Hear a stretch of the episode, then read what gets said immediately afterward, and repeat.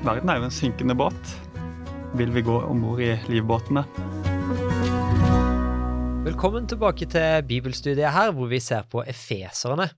Og I dag så skal vi gå inn på en veldig viktig bit av det som eh, Paulus snakker om i Efeserbrevet, hvor han egentlig tar for seg hva er det egentlig som Gud gjør med menneskene?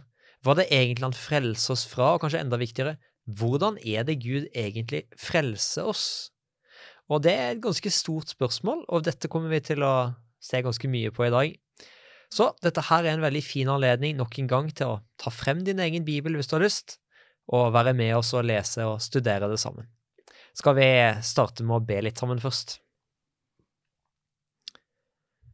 Kjære far, tusen takk for at vi igjen kan få lov å samles her, at vi kan få lov å studere ditt ord. Jeg bare ber om at du må fylle hjertene og sinnene til de som lytter og ser på, at du må hjelpe oss til å kunne sammen forstå enda mer av din nåde, og hva du egentlig har gjort for oss. Det ber vi om i ditt hellige navn. Amen. Amen. Så I dag så blir det litt, eh, litt teknisk, kanskje, tror jeg. Det, og det blir nok mye diskusjon. For eh, det vi skal ta for oss, er rett og slett bare dette her med hvordan blir vi frelst? Rent praktisk, hva, hva betyr det før og etter? Og eh, Paulus han trekker dette frem i to deler, hvor han først beskriver hvordan er det først, og hva skjer etterpå. Så det jeg tenker vi skal starte med, det er å se på hvordan er det før vi tar imot Jesus? Hvordan er det før vi blir frelst? Kunne du, Camilla, tenke deg å lese Efeserne kapittel 2 og vers 1 til og med 3? Ja. Dere var en gang døde på grunn av misgjerningene og syndene deres. Dere levde i dem, på den nåværende verdens vis, og lot dere lede av herskeren i himmelrommet, den ånd som nå er virksom i de ulydige. Ja, vi levde alle en gang som de. Vi fulgte lystne i vårt eget kjøtt og blod, og lot oss lede av det og av våre egne tanker. Vi var av naturen vredens barn, vi som de andre. Og dette her, det er jo det Paulus beskriver som før vi tar imot Jesus. Før Jesus gjør noe med oss, så sier han at dette her er situasjonen. Så det er litt sånn før og etter uh, bildet av et uh, hus som restaureres? Ja, det kan du egentlig veldig godt si. Et før- og etterbilde. Og i dette før-bildet som man bruker, så er det en del litt sånn kompliserte og litt sånn rart språk som de fleste av oss ikke bruker så veldig mye i dag. Så for eksempel, dere var en gang døde på grunn av misgjerningene og syndene deres. Dere levde i den nåværende verdensvis og lot dere lede av herskeren i himmelrommet, den ånd som nå er virksom i de ulydige. Det er litt sånn vanskelig for oss å sette oss inn i hva det egentlig han sier, så jeg tenker vi kan starte med dere var en gang døde på grunn av misgjerningene og syndene deres. Hva mener Paulus med dette? Ja, de klarte jo å synde og gjøre misgjerninger, disse her menneskene som man snakker om. Så det er nok ikke en fysisk død. Det er ikke sånn at de er faktisk uh, ligger der. Um, men Paulus snakker mer kanskje om en indre død. At man er et skall. At man er Går rundt, og, og livet er ikke fullverdig levd, på en måte. Man Ja. får ikke ut av livet det som man kunne fått hvis man ikke hadde den her indre døden. Ja, for der er tar du opp noe som er veldig vanskelig å sette seg inn i, nettopp dette her med at Paulus sier at dere var døde, men de er jo ikke døde.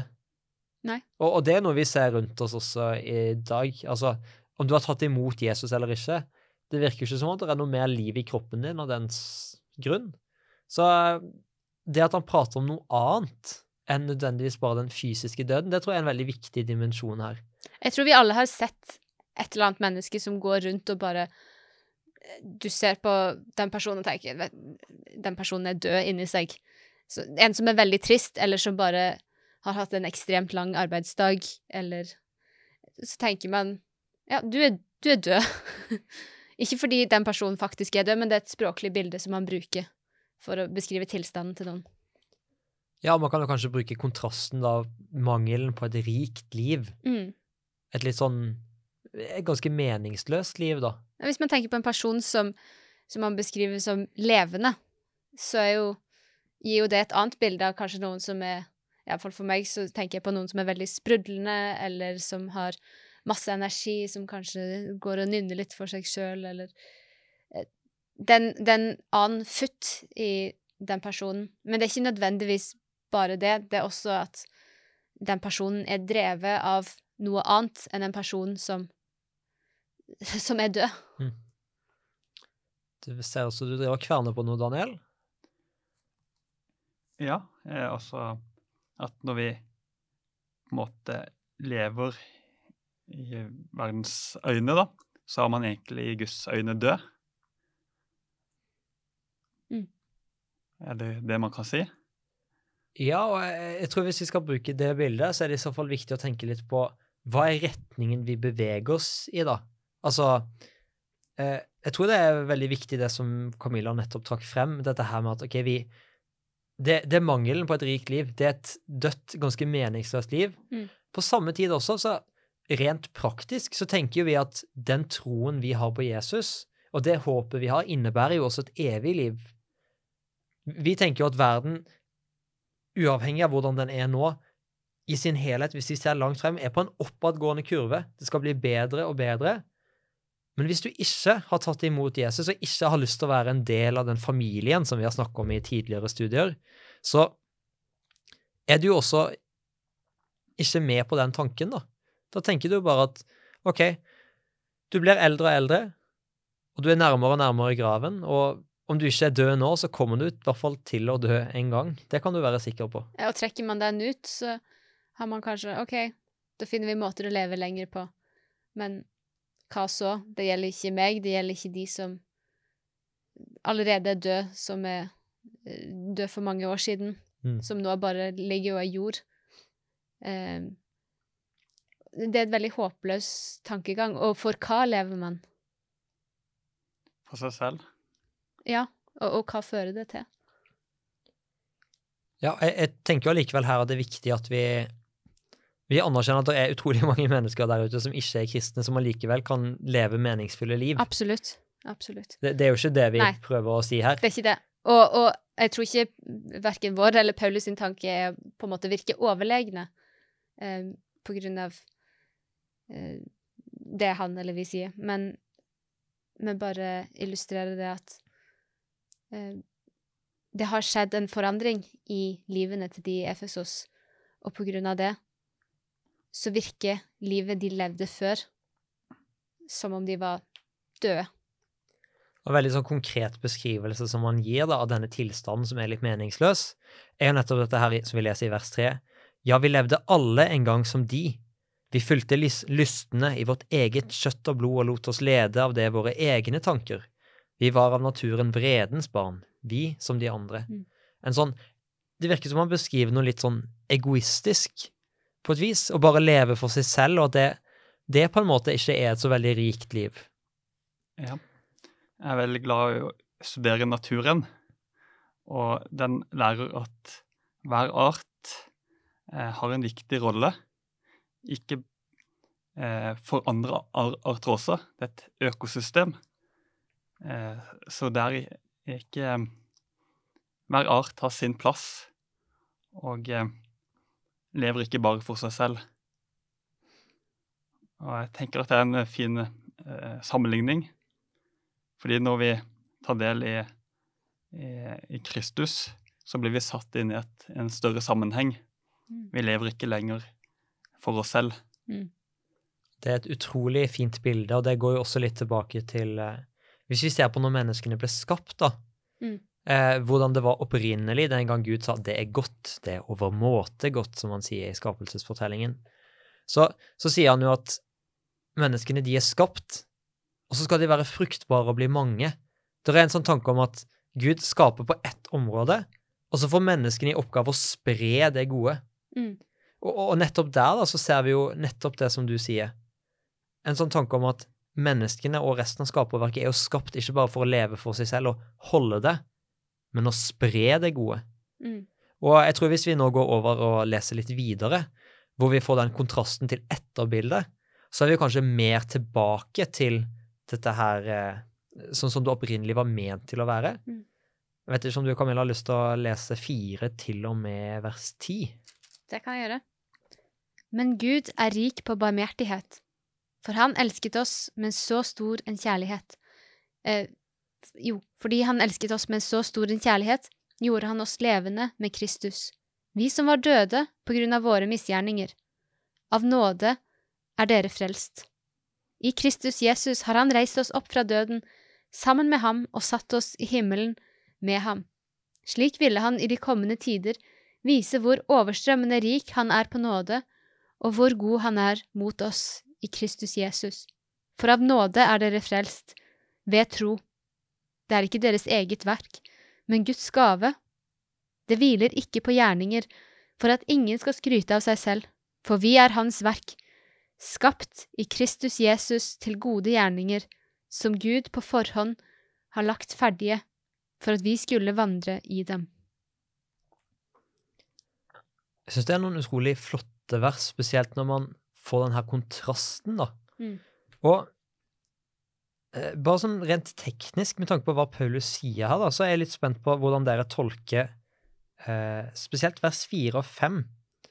For han sier, men Gud er rik på barmhjertighet, fordi han elsker oss med så stor en kjærlighet, gjorde han oss levende med Kristus, Mm. vi som var døde på grunn av våre misgjerninger. Nå er vi igjen tilbake til dette her med å være død eller levende. Mm. Og jeg, jeg lurer fortsatt på, hva er den praktiske forskjellen, da? Hva er det han prøver å si til efeserne med tanke på dette her å være levende? Hva, hva betyr det? Jeg, du nevnte skapelsen i stad, og jeg tenker litt tilbake på, på skapelsesberetningen i begynnelsen av Bibelen, hvor Gud har lagd denne lille leirkrumpen eh, som bare ligger der, og det, det er jord, og så blåser Gud liv i det, og det blir et menneske som skjønner eh, Skjønner på en måte hva som skjer rundt han, eh, og som kan handle, og som kan ha fri vilje, og som kan gjøre forskjellige ting. Altså, det er en sånn stor kontrast, og jeg Paulus er jo veldig klar over denne fortellingen, og det er nesten et sånt bilde han bruker. At Gud puster liv inn i mennesket.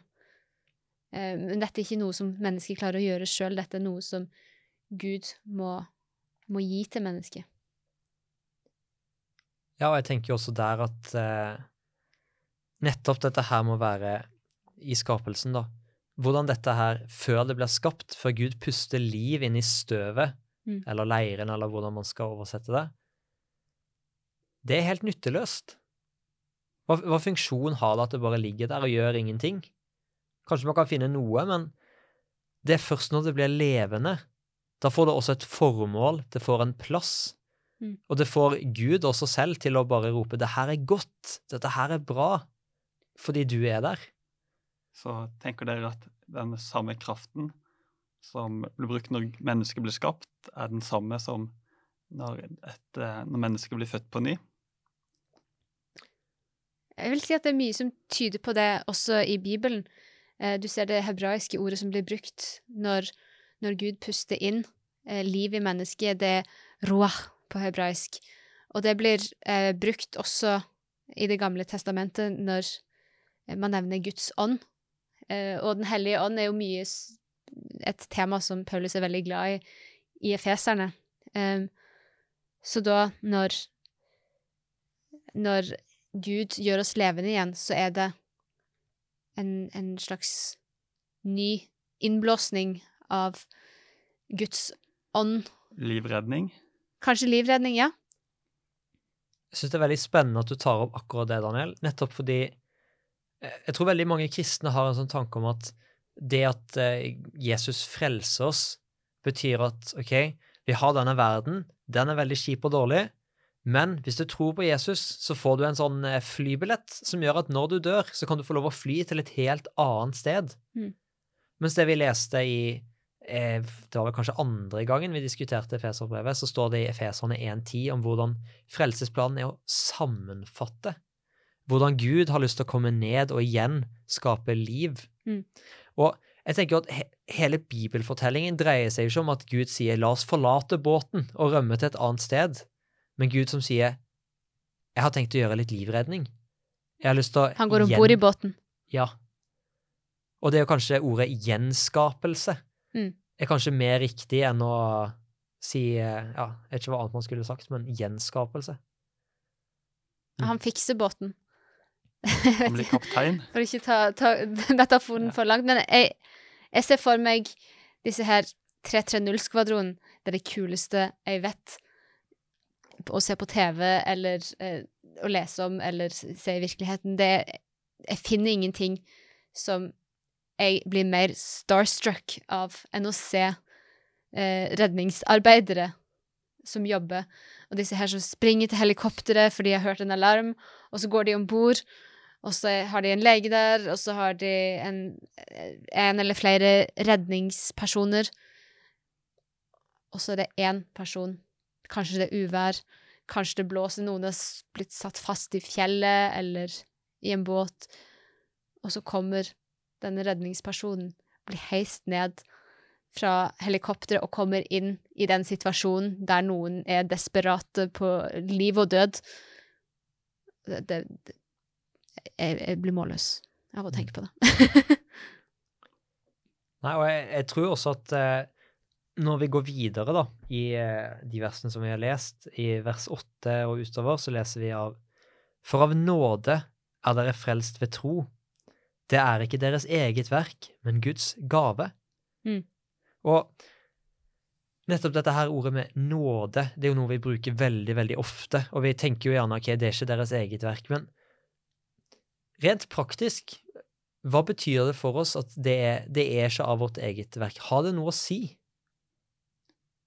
Ja, Paulus mener tydeligvis at det har noe å si. At man ikke skal skryte av seg sjøl. Mm.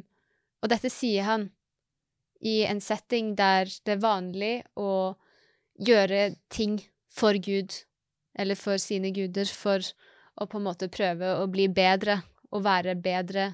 Eh, den beste versjonen av seg sjøl, kan man kanskje si. Eh, eh, man prøver å, å få kanskje Guds gunst, eller få andre mennesker til å se opp til en. Eh, men det at man er frelst av Gud, det er ikke fordi vi er så bra, men fordi Gud har valgt å heises ned fra dette helikopteret og komme inn i båten. En som er reddet fra havet, sier ofte han har fått livet på gave, i gave på nytt. Mm. Eh, For uten den redningsarbeideren, Mm, så vet han hvordan det ville ha gått. mm, Og eh, jeg tenker at den personen som kommer ned med helikopteret i det tauet, eh, det er jo Kristus. Mm. Kom ned til jorden, ble en del av oss. Så tok han med, tar han med oss opp. Og jeg tror jeg har lyst til å ta den illustrasjonen der enda litt lenger, faktisk. Fordi en redningsarbeider, det er en som som oftest ikke har noe kjennskap til de menneskene som er der, og det er jobben. mm. Selvfølgelig, når det går bra, det er sikkert en utrolig givende og god jobb, men sånn som Bibelen beskriver situasjonen i verden, så sier vi at ok, Gud skaper verden, han gir den til menneskene, og det er et veldig fokus på at Gud elsker menneskene. Og så beskriver han her at før Jesus kom inn i bildet, så er det en verden hvor folk lever for seg selv. De lever på en destruktiv måte som gjør at de ødelegger for hverandre, de ødelegger skaperverket. Og det sårer Gud noe helt vanvittig. Og de ødelegger for seg selv òg. Ja, og det, altså selvskading vil jo også være noe som Gud synes er helt grusomt, hvis han elsker oss, og det Mm. gjør han. Og det vil si at når Jesus da kom i dette helikopteret, så kommer han ikke som en redningsperson som ikke har noe kjennskap til det. Han kjenner risikoen. Han kjenner risikoen, og det er også han som blir mest såra over all den ondskapen som vi ser her. Mm. Og så sier han, men allikevel så har jeg lyst til å komme ned dit. Mm. Og jeg, jeg synes eh, Når vi forstår evangeliet En utrolig fin definisjon av det, som eh, Timothy Keller, som eh, døde for en stund tilbake. Han, eh, han pleier å si det at evangeliet består av to deler. Evangeliet består først av at du er mer syndig, grusom og fæl enn det du noen gang kunne ta inn over deg. Men på tross av det så er du mer elska og akseptert enn du kan tørre å tro.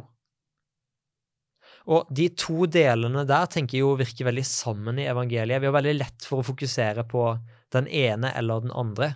Mm. Enten at Gud elsker oss bare så høyt, selvfølgelig gjør han det, men så glemmer vi at han elsker oss nettopp på tross av.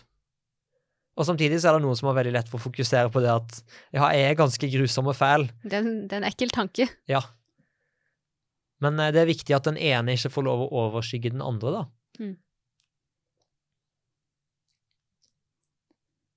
Det virker som du har noen tanker, Daniel? Ja. Hvis man er på en synkende båt, så er det ofte man kan ta litt tid før man opp, eh, forstår at båten synker. Tenker litt på Titanic. Og eh, ja. Verden er jo en synkende båt. Eh, vil vi gå om bord i livbåtene? Mm. Mm. Vil vi la oss redde? Ja, det er jo det som er, som er spørsmålet som også Paulus stiller her, da, for han sier jo nettopp det er ikke deres eget verk. Men det er en livbåt der, eller denne mannen i helikopter, eller du, hvilket bilde du ønsker å bruke, men vil du ta den hånden, da? Mm. Og jeg synes også det er veldig fint for Paulus han går et hakk videre, når han har beskrevet denne kontrasten, hvordan man først er døde, man lever for seg selv og ikke helt vet hva, hva er mitt formål. Mm.